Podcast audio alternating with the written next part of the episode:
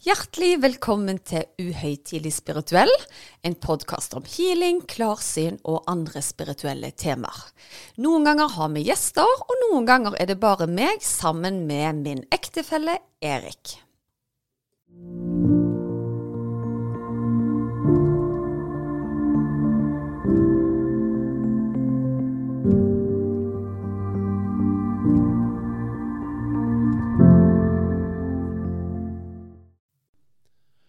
Vel, Susanne. Da var vi i gang igjen.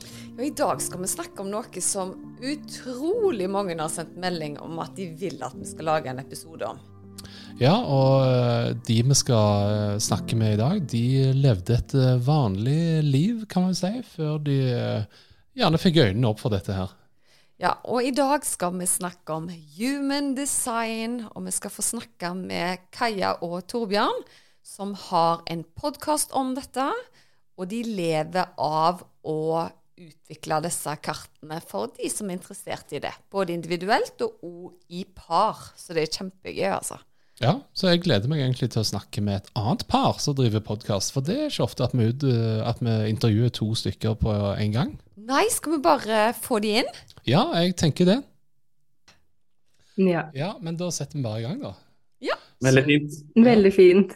Men uh, ja, velkommen uh, til dere, Torbjørn og Kaja. Tusen takk. Tusen takk for invitasjonen. Utrolig kjekt at dere hadde lyst til å være med oss i dag. Og uh, jeg må jo si jeg ble veldig spent på å høre hva dere driver med. For det første som slo meg, hva er human design? Mm. Det er jo et veldig godt spørsmål. Hva er human design? Og det er jo noe jeg og Kaja elsker å snakke om, så vi kan jo snakke om human design i evigheten. Men vi kan jo forklare hva human design er overordna. Mm. Jeg tenker Du kan jo starte der Kai, og fortelle litt mm. hva human design er, for de som muligens ikke har hørt om human design. Ja, fordi det kan jo forklares på uendelig antall måter. Men det jeg liker å forklare det til helt, for helt nye mennesker som ikke er kjent med det før, er at det er virkelig en påminnelse her for å minne deg på det du er på innsiden. Human Design gir deg et slags blueprint av den personen du kom inn i dette livet for å uttrykke. Mm. Ja, jeg liker veldig å si at det er på en brukermanual hvordan din energi fungerer, og hvordan man kan ta avgjørelser mm. i tråd med seg sjøl, som i utgangspunktet er noe av det viktigste man går gjennom mm. livet. Det å ta avgjørelser og valg for hvor ofte tar man ikke avgjørelser og valg basert på forventninger av andre, på det man tror man skal gjøre, og ut ifra ja, et litt sånn statussted osv. Så, videre. så jeg mm. føler Human Design det er et veldig fint verktøy når det kommer til det å ta avgjørelser og det å bevege seg gjennom livet på en måte som er i tråd med seg sjøl. Ja, og det viser oss også at ikke alle er like, og at vi mm. alle er, er så ulike. Eh, det viser oss at en, et verktøy, et tips, ikke passer for alle. fordi ofte har vi hørt sånn ti, uh, ti, steg til å få et godt liv, ti steg for å få drømmekroppen, ti steg for det ene og det andre. Men Human Design viser oss at det er kun ett steg for oss, eller mange steg for oss, men de er spesifikke for oss, men ikke nødvendigvis for alle andre. Mm. Men hvis vi spoler litt sånn tilbake igjen, er det liksom Fant dere hverandre gjennom human design, eller hva var det som ledet opp til dette her? Det er jo et veldig godt spørsmål, og det er veldig gøy. For uh, meg og Kaja vi starta jo med kundemøter i banken for uh, fem år siden. Og det var en periode der uh, vi gjorde det. Og så var det jo selvfølgelig noen endringer underveis i løpet av denne femårsperioden. Så mm. vi starta absolutt ikke med gymdesign. Vi starta med noe mer tradisjonelt og noe mer vanlig, kan man jo påstå. Mm. Og vi møttes ja, som sagt gjennom, gjennom den tidligere jobben vi jobbet i, som var mm. i finans, i bank. Og fant jo veldig fort tonen. Og det var jo veldig gøy, for vi begynte samtidig. Mm. Og ja, jeg fikk jo veldig øye for Kaja, hun er en generator i Human Design som har en veldig sprudlende energi rundt seg Og veldig sånn magnetisk åpen aura som gjør at jeg som prosjektor, som jeg kan komme litt tilbake til senere, blir veld, var veldig sånn fascinert, for det var noe spennende her. Og så utvikla det seg jo videre. Mm. Og så kom det til et tidspunkt der Kaja valgte å, å slutte jobben. Mm. Og jeg, var, min bevissthet på det tidspunktet var jo fremdeles at jeg trodde at dette var måten man skulle leve på. Ja, men man skulle være i den stabile, trygge jobben. Man hadde en fast inntekt. Fremtiden så OK ut. Jeg hadde, man trengte egentlig ikke å tenke så mye over hva livet bringte framover. Det var egentlig veldig repeterende. Mm. Eh, Så fikk jo Kaja øye for Human Design. Mm. Det Så det var vel egentlig jeg som begynte med det. Jeg hadde fra og med 2016 så har egentlig Human kommet til meg, eh, og flere og flere ganger. Men jeg har vært veldig inn til yoga og alt annet enn Human Design. Men alt henger jo sammen, ikke sant. Så det å yoga, det handler om å komme inn i kroppen, gi slipp på tankene våre og lytte til hva kroppen forteller oss, som på en måte Human Design handler om. Eh, så ja, og så kom jeg virkelig dykket jeg inn i Human Design, og Torbjørn var litt sånn Hva er dette her for noe, da? Enda mer. Dette her er liksom bare tull, og var helt på et annet sted og ante ikke hva jeg drev med. Egentlig syntes jeg var litt ko-ko. Ja, det var jo mine egne frykter jeg møtte gjennom kaia. For som jeg nevnte litt i sted, så min bevissthet var jo fremdeles i det A4, det tradisjonelle. Mm. Og jeg hadde jo ikke sett en annen realitet som gjorde at jeg tenkte så, ja, men hva er egentlig dette? Hume design, det høres jo kanskje noe ja, spesielt ut Mm. i gåseøyne. Så jeg var jo naturlig skeptisk i starten, men så så jeg jo hvilken effekt det hadde på Kaja, og hennes glede og hennes entusiasme som gjorde at ok, ja, men det var, virker veldig fascinerende. Og når Kaja tok en reading på meg, for det er jo slik jeg fikk opp min interesse for human design, og jeg, følte jo at, det, at jeg ble sett og anerkjent, og jeg, jeg følte det jo på en måte var en historie om meg sjøl men som jeg kanskje hadde undertrykt en del, som jeg egentlig ikke hadde lyttet til lenger. Mm. Så det var egentlig veldig sånn oi, en bekreftelse på ja, men dette er jo faktisk dette er jo faktisk Torbjørn uten filter, og det er faktisk vakkert akkurat slik det er. Mm. Og så gradvis så begynte jeg å studere det enda mer, og så var det sånn ja, men dette er jo faktisk veldig spot on informasjon, og det er jo noe man kanskje ikke har klart å sette ord på tidligere. Mm. Ja, og kanskje spesielt det som traff Torbjørn føler jeg også var det med at det er prosjektorer, sånn, vi kan komme litt nærmere inn på det etterpå, men de er ikke nødvendigvis skapt for å jobbe fra åtte til fire, og jobbe veldig effektivt, men um, kan få gjort kanskje på to timer det andre trenger åtte timer på. Mm. Eh, så, så jeg føler jo også at det traff deg veldig, og så var det sånn, ja, man sitter jo på jobb, den gamle jobben, jobber fra åtte til fire, uavhengig hvor mye man har å gjøre, kanskje utsetter arbeidsoppgaver for å liksom fylle tiden med å gjøre noe, ikke sant? Så, så det har vært en reise, og er fremdeles en reise. Men for å svare kort på spørsmålet, vi fant hverandre definitivt ikke gjennom gymdesign. Design. Nei. Nei. Så det var ikke liksom eh, human design-prat i lunsjen i banken, altså? Nei. Nei, det var, det var mer boliglån og Altså, du passer inn, nei, du passer ikke inn. Litt, litt sånt der. Men, men jeg syns jo bare det er fantastisk hvordan vi kan utvikle oss sammen som par òg. Altså, når jeg ble sammen med Erik, så var jo jeg allerede på min spirituelle reise, men han hadde jo ingen erfaring fra healing eller det klarsyn det jeg driver på med, da. Mm. Hva du skal ja. Eh, og så ble det jo bare mer og mer engasjement fra hans side. Og jo mer han opplever at jeg engasjerer meg, og jo mer han opplever resultater rundt seg, så blir det jo automatisk mer dynamikk i det. Så når han da takka ja til å være med i podkasten Uhøytidelig spirituell, så var det bare Yes, verden har virkelig gått videre. Ja. Ja, det er veldig fint. Og jeg, jeg føler jo når man snakker om menn og spiritualitet osv., så, videre, så er det jo ofte slik at mennene det trenger det fysiske. At man må se det med våre egne sanser for å tro på det. Og det er jo litt synd, egentlig, syns jeg, at menn er egentlig på et eller annet nivå kanskje litt mindre utvikla enn kvinner når det kommer akkurat til energier osv. Men jeg ser jo det kan jo dere òg sikkert bekrefte, at det er flere og flere menn som faktisk engasjerer seg for disse emnene og temaene som f.eks. human design, som healing, som klarsynt. Eh, Så jeg føler jo at den biten er litt i endring. Ja, og jo flere menn som åpner seg opp, for jeg føler også det har vært mye tabu rundt det. Så jo flere og flere som åpner seg opp og er menn og tør å stå i seg selv og se at wow, livet kan faktisk leve annerledes, vi kan leve og følge hjertet vårt. Det er vakkert, og det er det mest mannlige man kan gjøre. eh, så lenge man lever sin natur, ikke sant. Så, så det er veldig fint å se.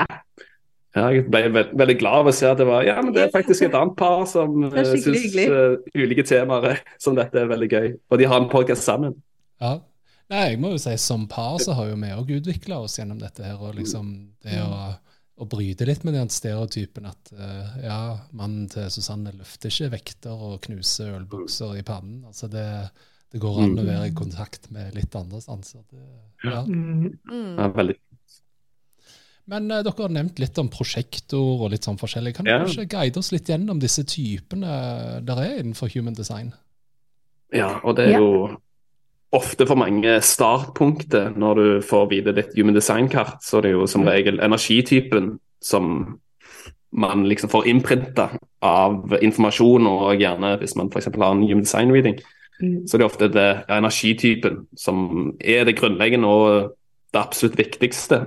Mm. For som jeg nevnte litt i starten, så forklarer jo Human Design hvordan energien din er skapt for å fungere. Og eksempel, jeg er jo det som kalles en prosjektor.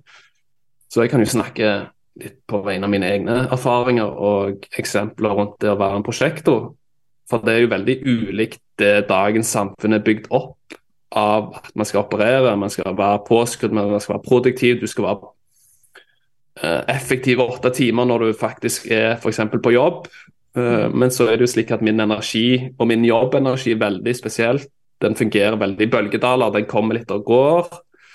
Så jeg har faktisk behov for å ja, trekke meg en del unna andre mennesker, koble meg på min egen aura. Og når jeg først da er, skal være produktiv og effektiv, eh, så fungerer prosjektene veldig slik at ok, ja, men det som man har blitt fortalt tar si, åtte timer, det kan jeg f.eks. bruke to timer på. Mm. Så min input og min output den er veldig ulik enn det samfunnet er bygd opp for. Og som en prosjektor det å anerkjenne at man trenger en del hvile.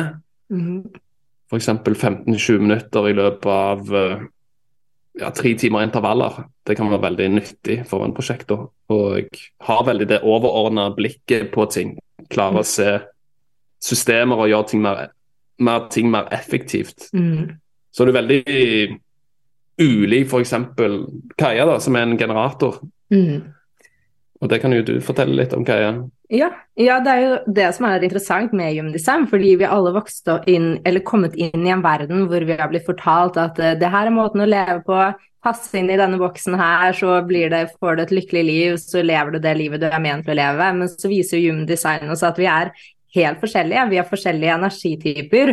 Og prosjektoren er jo faktisk den nyeste energitypen av alle, fordi Mm. tidligere så trengte vi ikke prosjektoren, men nå så trenger vi prosjektoren fordi at vi kan følge mer vårt eget hjerte. Vi er her ikke bare for å overleve, men for å faktisk følge sjelen vår strømmer.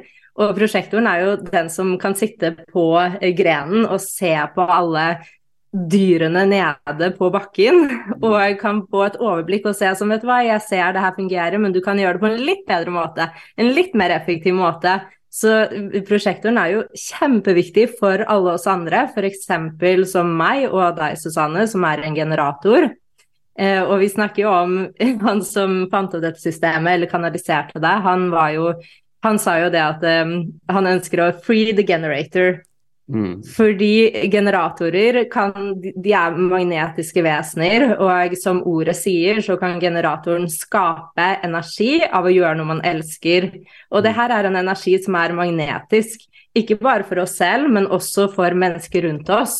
Så en ekstremt stor lekse for en generator handler om å prioritere sin egen glede. Om det bare er liksom noen små ting hver dag, og man kanskje er i en jobb man ikke liker, akkurat nå, men bare begynne å prioritere, si mer nei. Prioritere små ting hver dag som gjør at man kjenner den, det sparket i seg og kjenner den gleden.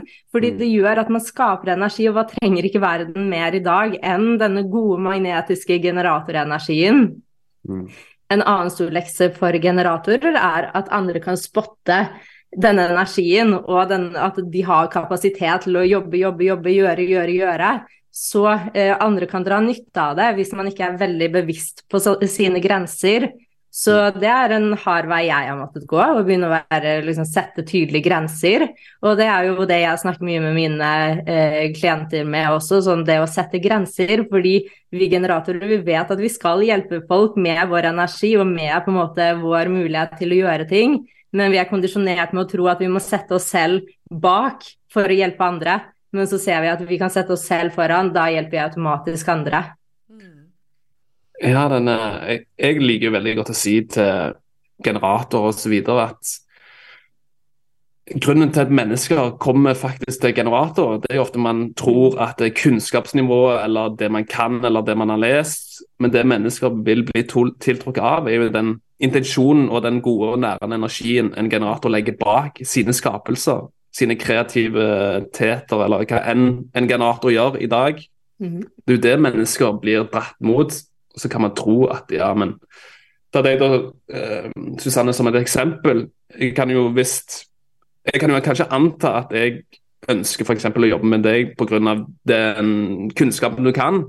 Men så er det egentlig energien og intensjonen du legger bak dine skapelser, som mm. egentlig mennesker blir tiltrukket av. Mm. Så det er ofte slik at ok, som en generator, den magnetiske auraen og den kraften en generator og en manifesting-generator har, mm. det, er liksom, det er ikke noe man kan forestille seg eller forstå fra. Forstå eller rasjonalisere fra vårt logiske sinn. Det er bare en energi som er veldig eh, kraftig og veldig sånn Akkurat som man nesten som man drar mennesker inn mm. i sin aura. For mm. den er veldig sånn Å, kom igjen. Det er sånne gode nærme. Det, det jeg syns er så interessant med dette her, og jeg sluker jo alt av dette her nå, mm. og, men dette er ganske nytt for meg, faktisk. Altså, Jeg mm. hørte vel om human design for første gang eh, av hudpleieren min av alle for et par år siden. Og det var hun som anbefalte meg å ta kontakt med dere, faktisk. Eh, ja, og hun er veldig interessert i dette, og lagde da et sånn, bare et sånn enkeltkart. Hun var mer nysgjerrig på meg enn jeg var nysgjerrig på meg sjøl. Så hun brukte bare liksom meg som en sånn øvelse, for hun tenkte liksom du som er healer, hva er ditt kart? Og så har det egentlig mm. gått litt i glemmeboka mi, men så har det dukka opp i så mange spennende settinger hvor det er folk jeg ser sånn opp til, som sier 'Hva er ditt kart, Susanne?' 'Jeg har det og det og det.' Og jeg tenkte bare Nei, det, det vet jeg faktisk ikke. Men jeg har jo mm. skjønt nå at jeg er en generator. Det er det jeg vet, egentlig. Men, eh, ja, for Det var mitt neste spørsmål, egentlig. Dere har liksom funnet ut typen deres, men hvordan kommer dere fram til det? Og Det er et veldig godt og interessant spørsmål. Og jeg liker egentlig veldig godt det du sier, Susanne, med at du vet ikke human design-kartet ditt. For i utgangspunktet, som jeg og Kaja sier, så trenger man egentlig ikke human design. For når man lever ut seg selv og gjør det som føles korrekt for sitt system, så uttrykker man jo sitt human design-kart automatisk. Og ikke, man aner jo egentlig ikke hvordan det uttrykket ser ut, men ja, det føles iallfall korrekt, og det føles riktig. Mm. Så for din del så trenger du kanskje ikke human design, ikke sant?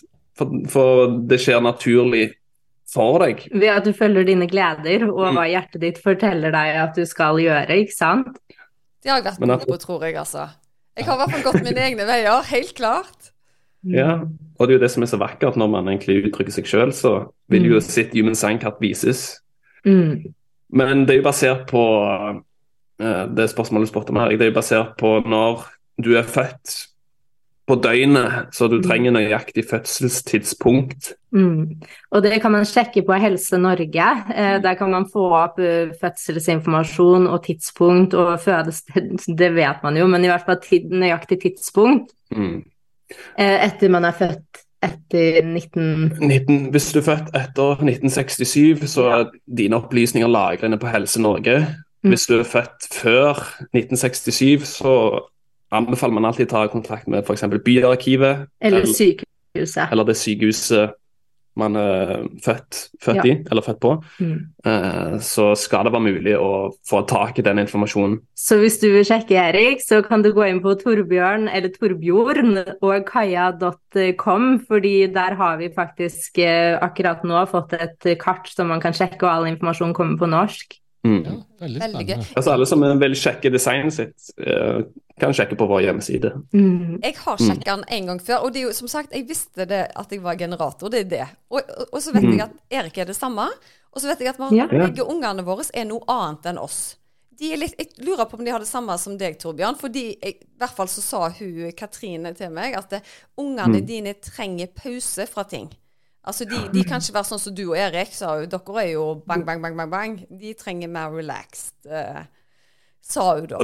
Mm. Ja, Det er jo veldig interessant med tanke på Si da for eksempel som et prosjektorbarn, uh, og dere to begge er generator, så kan jo prosjektorbarnet ta veldig på deres energi, Mm. og forsterker jo egentlig deres energi midlertidig, som gjør at f.eks.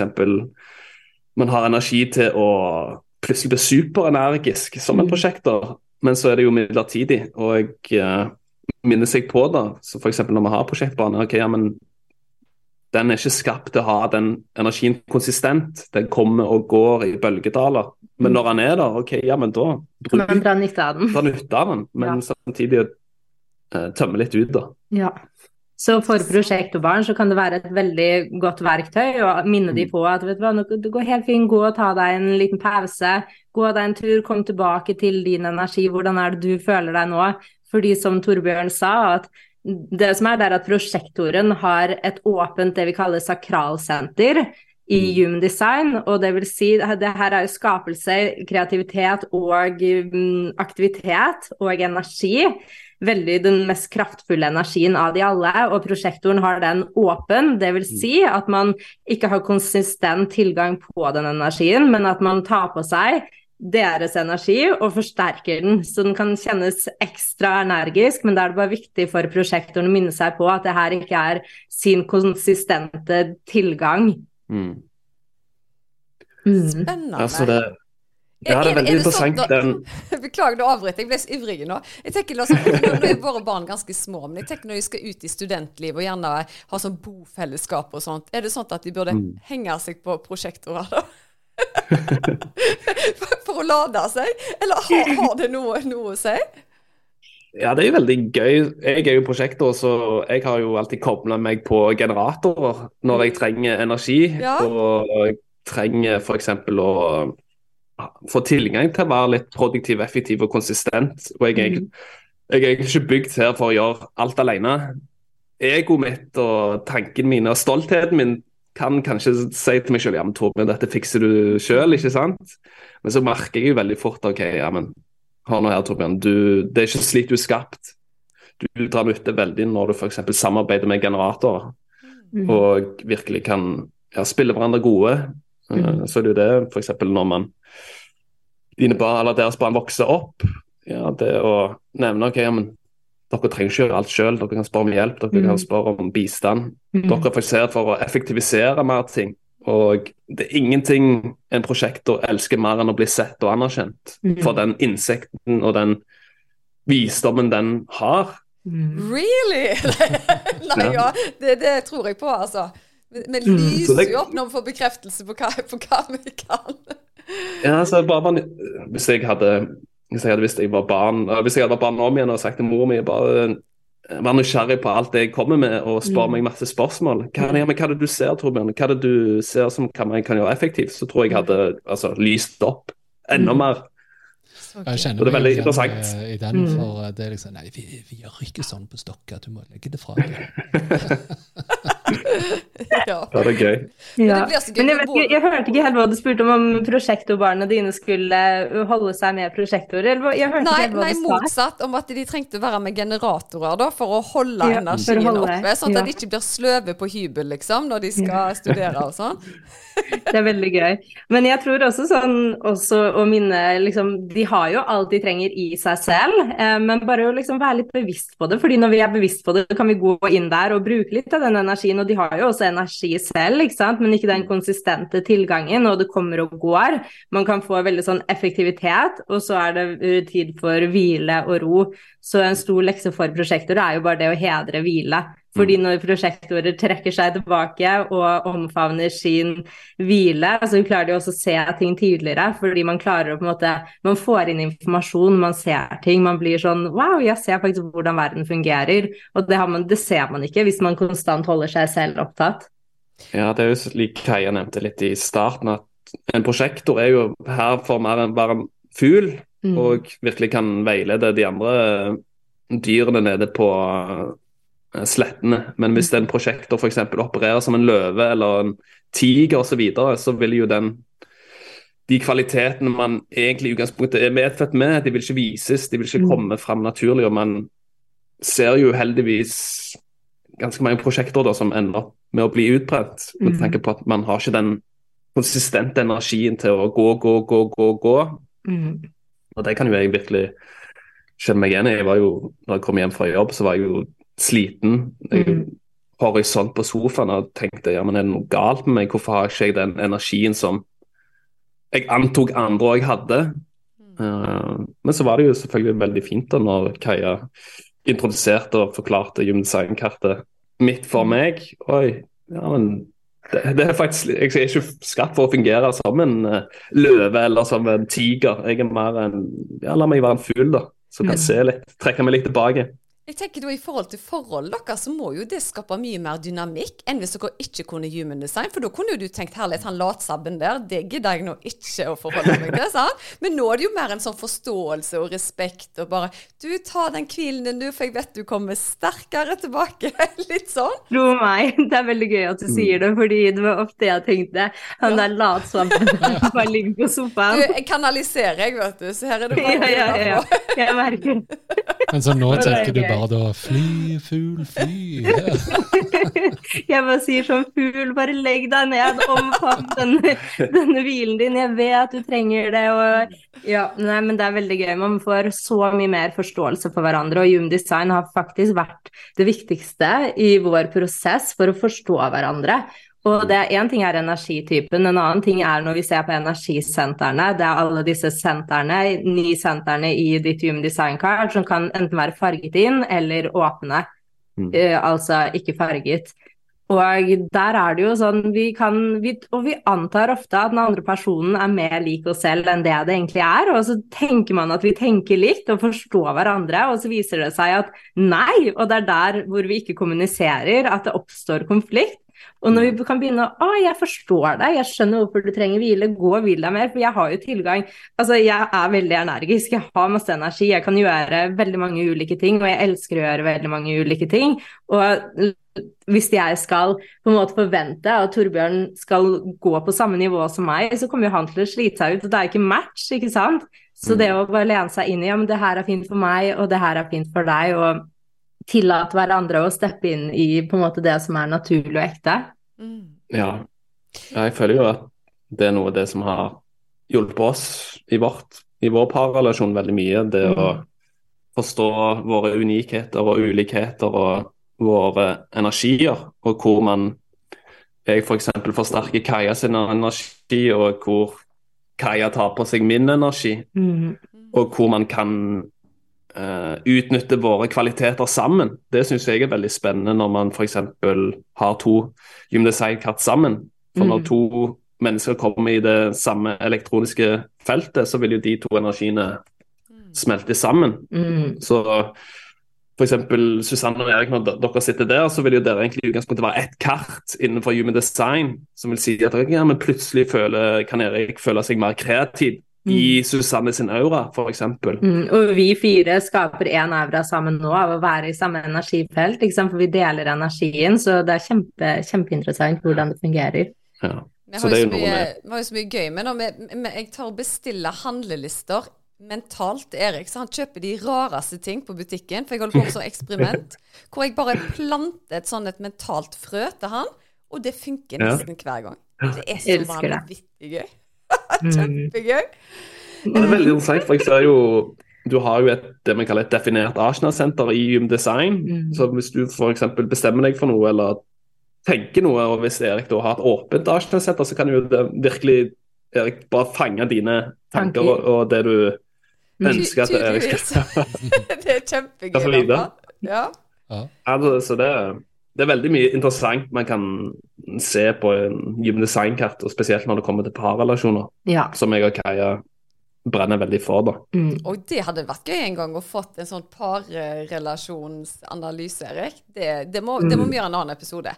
Men, men eh, dere, eh, veldig mange skriver til meg. Du som er healer, Susanne. Nå har jeg jo jobba som healer siden 2009 og brenner veldig for det. Folk er veldig nysgjerrige på mitt kart. Nå har vi fått høre at jeg er en generator. Mm. det det? Der ser du, det går rett i glemmeboka. Eh, men er det noe som er spesielt for oss som er veldig åpne generatorer, eller er det generelt at generatorer er åpne, intuitive? Det er jo veldig, et veldig godt spørsmål, og det er veldig individuelt fra et generatorkart til et generatorkart. Mm. Så øh, jeg ønsker ikke å generalisere noe som helst akkurat her. og men kan du ta deg og ditt kart Susanne, som et eksempel, for vi har det foran oss her. Og jeg ser jo at du er jo veldig intuitiv. Mm. Du har det vi kaller et definert uh, miltsenter, som handler om at ok, ja, men du har en medfødt intuisjon og instinkter i deg som virkelig kan ja, fange opp ting. Mm. Og det er sikkert noe du, du føler sjøl. Jeg vet ikke om det er noe Er det noe du kan Og- føle Ja da. Ja, jeg har eh, nok hatt mine klarsynte evner hele livet, og har jo jobba intuitivt nå, ja, siden 2009.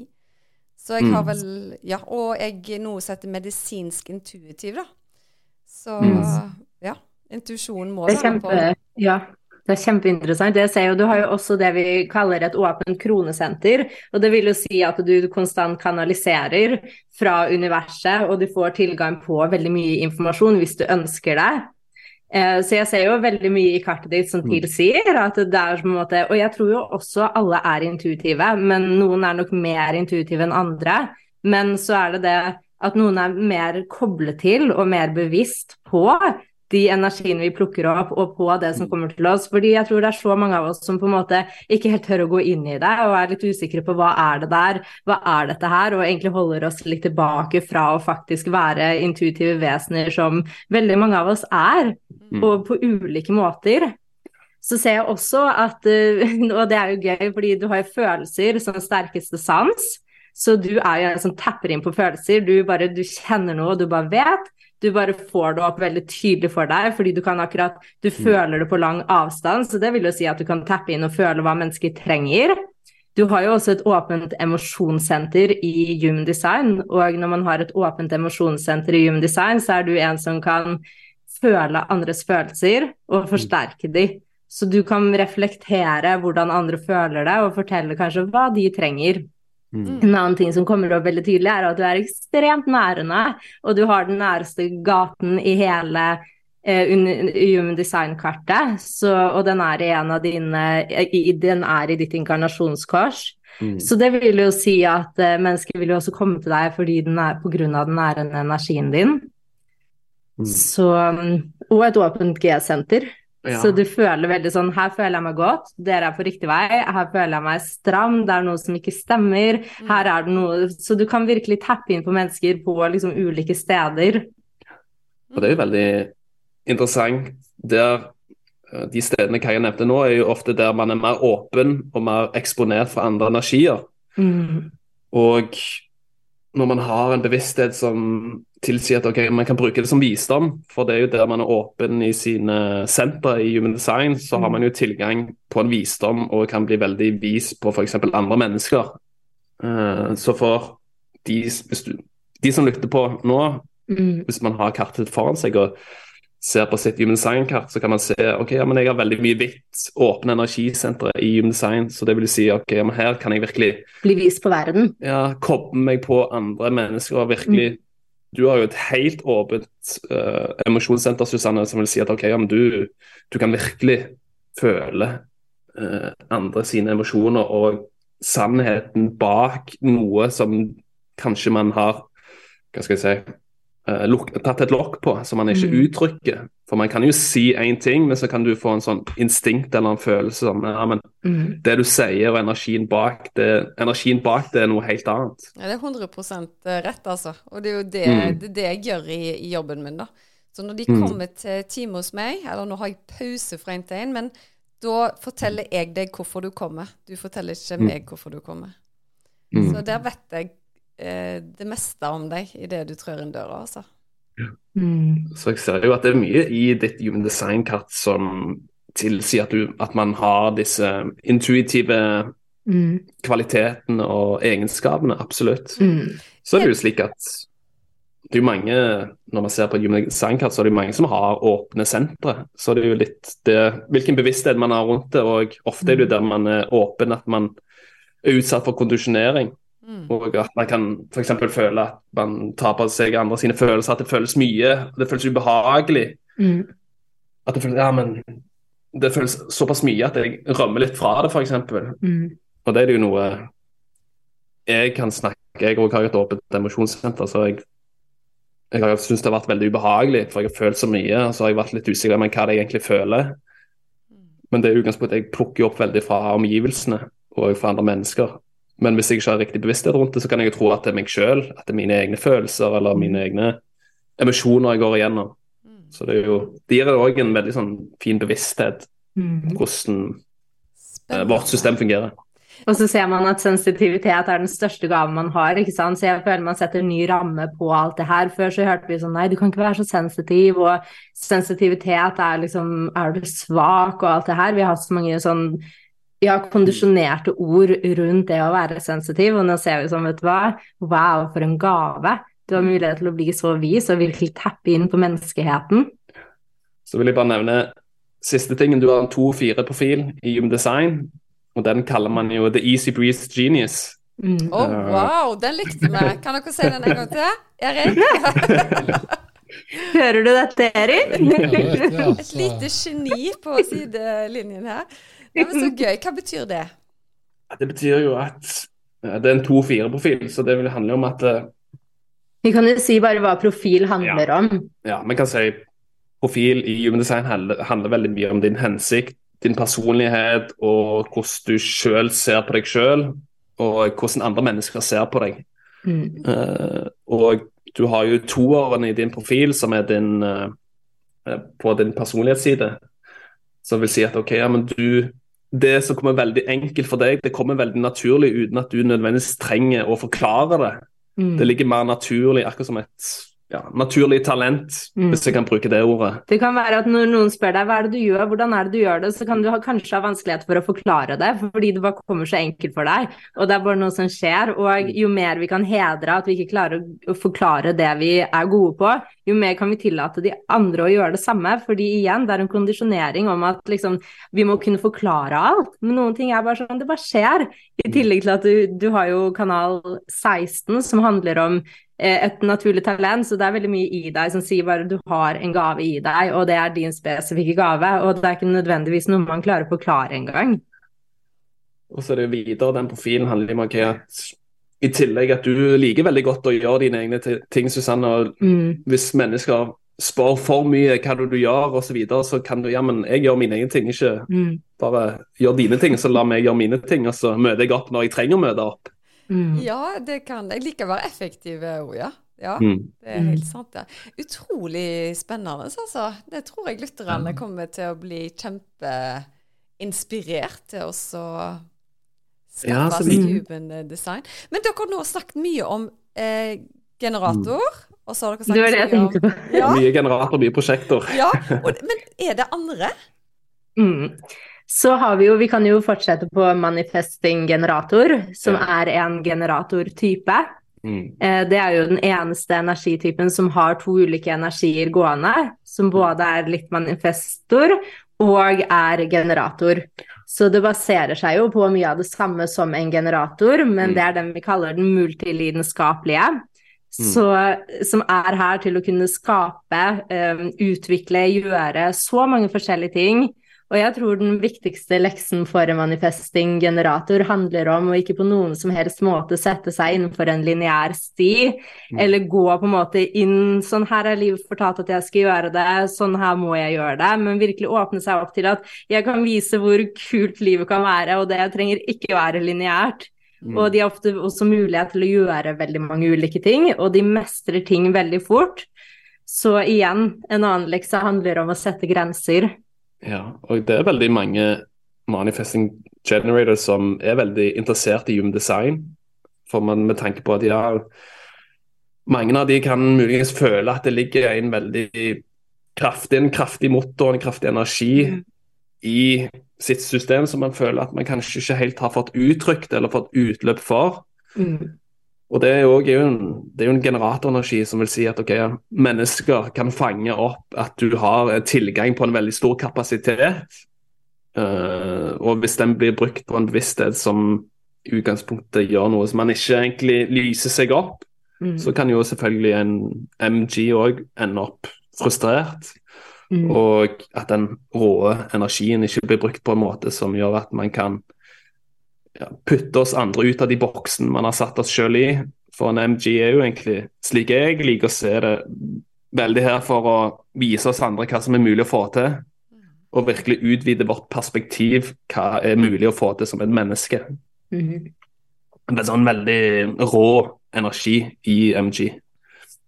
Så har man jo manifestor, Mm. og det er det sånn cirka 8 8-10 så det er jo en mer sjeldnere type. Og en Mm. manifestor er, har en veldig kraftfull og stor aura. Den kraft, mest kraftfulle auraen av alle, og mennesker kan kjenne en manifestor før manifestoren går inn i rommet. Og den har en sånn veldig intens energi. Og jeg er veldig her for å ta handling, ta initiativ, Mm. og egentlig skape, skape veldig mye bevegelse og momentum i sine handlinger. Ja. Veldig stor påvirkningskraft Mm. som en manifestor. Ja, så en manifestor er jo her til å på en måte sette i gang toget. Til å ta, på en måte ta initiativet. De er veldig initiativtakere. Mm. Um, men en viktig, på en måte igjen, en annen lekse for de handler veldig om det også at man ikke trenger å gjøre alt alene. Og omfavne sin storhet. Fordi det vi opplever, er at manifestorene er ofte de som har gjort seg minst. Fordi fra de kom inn på den jord, så visste de veldig hva de var her for å gjøre.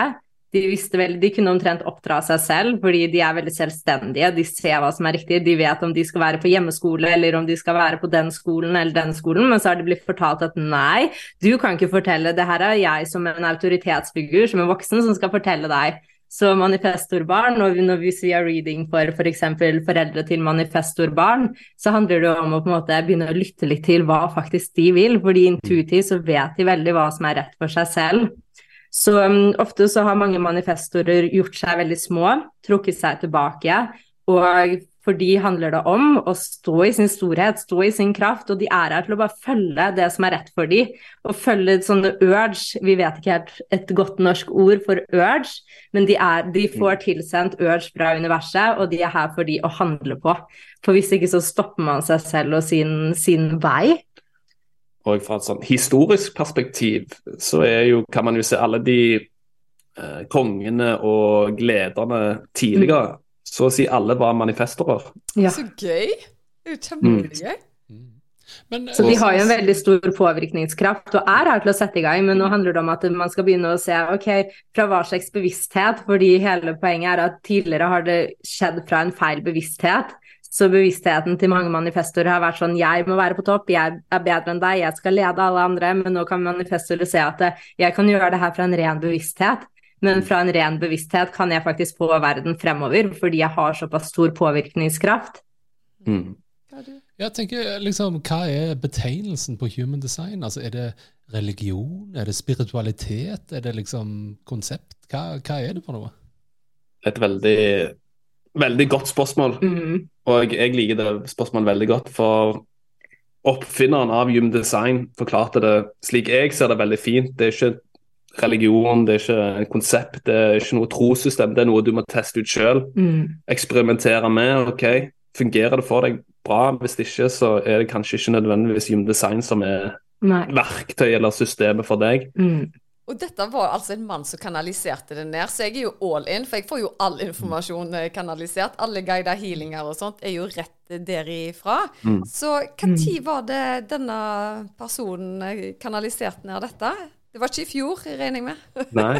Nei, men det er ikke så lenge siden. Nei? Jeg, kan, jeg er jo veldig glad i historie. Ja. Og jeg kan gi deg eksakt dato. Det var 3. januar 1987. Han var i Ibiza. Han fikk den informasjonen i løpet av ti dagers tid. Mm. Skrev han ned all den informasjonen han fikk. Og det som jeg syns er veldig gøy, mye av den informasjonen det har jo blitt vitenskapelig bevist i ettertid. Mm. Vet du hva, nå får jeg en beskjed i hodet mitt. Åtte dager Mm. brukte han, han brukte ikke ti. Kan ikke du sjekke det? Det er helt riktig. Ja, men det det er- er helt riktig. Ja, det kan stemme. Det er det, ja, kanskje det var åtte dager. Det kan være jeg det det jeg sjekke får- opp. Nå får jeg det er riktig. Åtte dager. Men, eh, men beskjeden jeg fikk i hodet, var hva i alle dager drev han på Ibiza i åtte dager? For i 1987 så var det litt av noen stoffer som florerte der. Ja, Han var jo helt utkjørt når han kom ut. Han fikk jo beskjed sånn Er du klar for å jobbe? Ja, det var, det, det var en stemme han fikk fra universet som sa er du, Are you ready to work? Og så har jo jeg gjort litt narr av den på en video. Sånn, På Instagram. på Instagram. Ok, vi Og, eh, sjekke ut. Er du klar for å jobbe? Han hadde ikke jobb på syv år, ikke sant? Han hadde bare gått rundt i pizza og Ventet på den informasjonen. venta på informasjonen.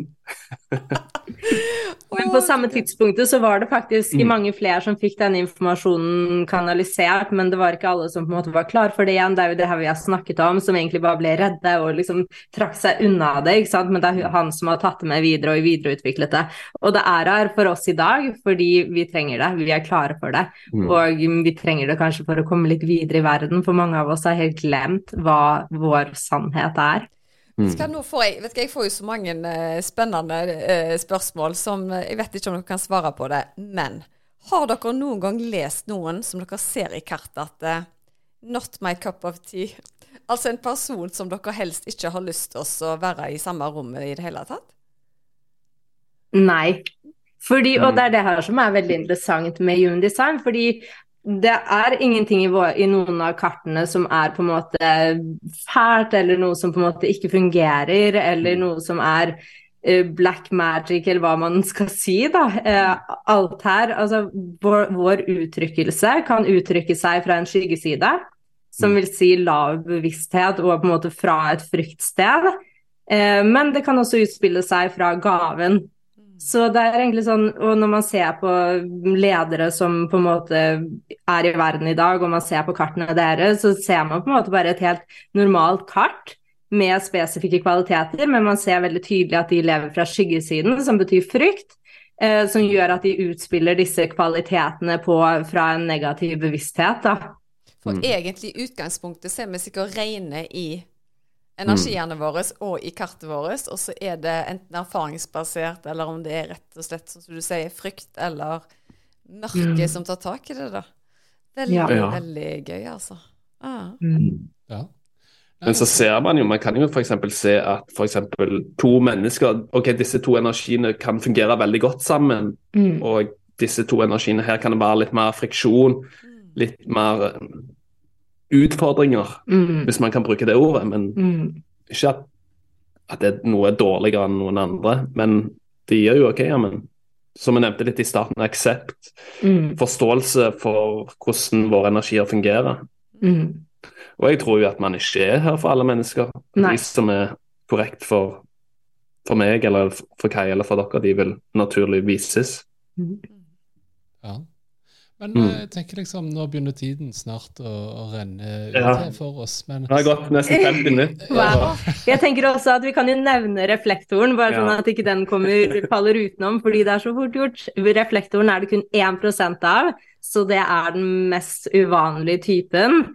Og den typen vi ønsker at virkelig skal liksom steppe inn i sin sannhet, fordi den har så mye å fortelle oss andre. Fordi som ordet sier, så reflekterer den hvor, hvordan vi gjør det som et samfunn. Så vi sier jo at ref reflektoren er en som kan på en måte stå som et speilbilde for oss, og at vi trenger helst en reflektor per 100 mennesker. Og alle trenger en, en reflektor i livet sitt, rett og slett fordi hvor vi, vi kan se oss selv konstant i den. Hvis det er noe vi møter i den som vi ikke liker, så er det noe vi ikke liker med oss selv, ikke sant? Ja. Så, um, så reflektoren må vi ikke glemme. Det var fint du nevnte den unike. Stakkars reflektorene. Ikke bare er de kun 1% de blir ikke nevnt på podkasten engang. Nei, men, altså, men oftest er jo folk liksom Å, guri, vi vil jo være det som er spesielt. sant? Så det er sikkert mange som tenker Å, jeg vil, håper jeg er den ene prosenten. Men sånn som jeg har forstått det, da, så er det gjerne ikke så enkelt å være den ene prosenten, da, hvis du hele veien speiler andre. Og igjen, altså den er jo veldig sensitiv fordi at den har alle ni energisentrene åpne. Eh, men på den andre siden så har den også en beskyttelse i sin aura som gjør seg beskyttet for på en måte å være så sensitiv.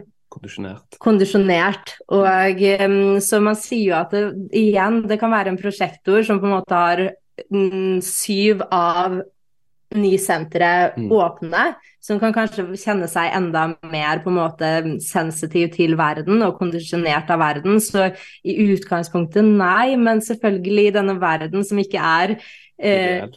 i, ja, ideell. Mm. Selvfølgelig kan det være utfordrende, men jeg tror det er utfordrende når man stritter imot seg selv. Mm. Og det var jo jeg, men, men jeg snakker jo med mange mennesker, og det er jo ofte, som du nevner, Susanne, at man tenker ja, men jeg skulle ønske jeg var en annen type, eller en Ja. annen, at jeg skulle ønske jeg hadde mer energi, Mm. eksempel, at jeg skulle, å, hvorfor kan ikke jeg være en generator eller en MG? Mm. Men så er det ok, ja, men du kom inn til denne verden med ditt unike kart for å utgjøre den forskjellen du kom her for å gjøre.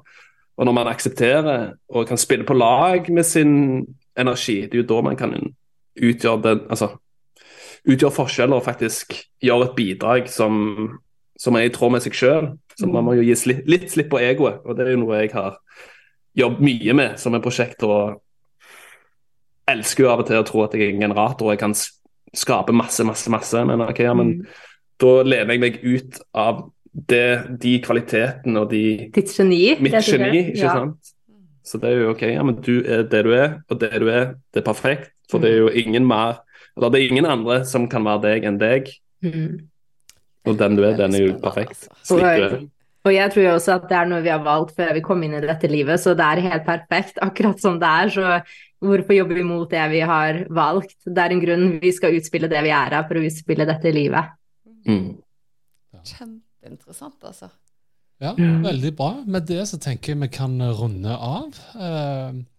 Ja, jeg tror ellers så kan vi s- ende opp her og snakke om uh, human. Vi kan ha Det er sånn en 24 timers podkast. Følg oss live. Det hadde vært gøy. minutt for minutt. Men du, hvor kan lytteren finne dere?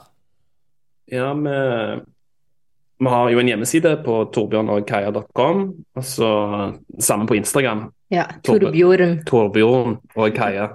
Veldig, veldig bra, altså. Jeg er helt sikker på Mm. at det er mange som er spente nå på sitt kart, og helt sikkert vil ta kontakt for mer informasjon der. Ja. Så har vi også en podkast som vi kan nevne, Um, og den heter Human Design med Torbjørn og Kaja. Og der har vi snakket masse om human design for dere som ønsker å lære mer. Ja, det er jo kjempetips. Det må Ja. dere få med dere. Veldig bra. Absolutt. Ok, men tusen takk for at dere hadde lyst til å dele denne nå timen med oss. Det var veldig hyggelig og veldig kjekt å lære mer om human design. Tusen takk. Og Tusen takk. virkelig takknemlig for å være med på podkasten med dere. Det var Mm. veldig Ja, jeg følte det var trygge omgivelser, så det var Ja. veldig, Veldig, veldig veldig flott. Ja, vi er veldig takknemlige for å være her med dere og dele denne timen med dere. Så tusen er- hjertelig takk, og tusen takk til alle som har Et lyttet på. Et par òg som prøver å skape endring, så det var veldig kjekt. Ja. Ja, absolutt, altså. Yes. OK, da sier vi det. ha det. Ha det, ha det. Ha det. Ja. Så satt vi her alene igjen, Susanne. Ja, det føltes nesten tomt, eh, tomt ut uten de her nå, altså. Ja. Det var utrolig spennende å lære enda mer om de ulike typene innen human design, da. Men det som jeg syns er mest interessant, er egentlig hvor mye man kan lese ut av en fødselsdato, fødested og fødselstidspunkt. Ja, jeg må si jeg er ganske overraska over at liksom til og med tidspunktet er avgjørende for hvilken ja, type du er, da. Ja, og at de kunne se at jeg var liksom så mye åpen i det og det senteret, og at eh, de beskrev mye av det jeg kjenner på, da. Og det var jo helt tydelig at de ikke hadde hørt alle episodene i vår podkast, så jeg tror ikke de visste mye om meg på forhånd, og det gjorde det jo egentlig litt ekstra gøy. Ja. At de kunne gå inn og så se på kartene. Så jeg tror ikke det er siste gang vi snakker med Kaja og Torbjørn. Nei, og jeg må si at eh, jeg er veldig glad i ting som altså Hvis du driver med selvutvikling, da, så er jo det veldig abstrakt. Men her følte jeg at det ble veldig konkret, og du klarer å relatere deg mye lettere til det. da. Mm. Nei, absolutt en veldig fin episode som jeg har lært masse av. Ja, helt enig.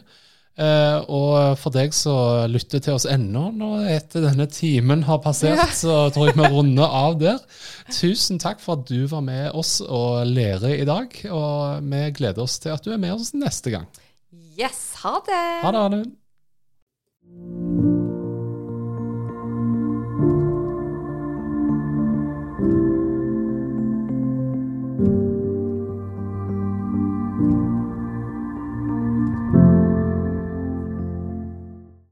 Visste du at du kunne ta kontakt med meg hvis du ønsker å få satt opp en personlig healingplan? Da er det bare å kontakte meg via Instagram eller på e-post, så gjør jeg det helt kostnadsfritt. Da er det mye lettere å vite hvilken healing du skal velge, til hva tid du skal bruke den, og hvor mange uker du bør benytte deg av deg. Gå inn på healersusanne.com.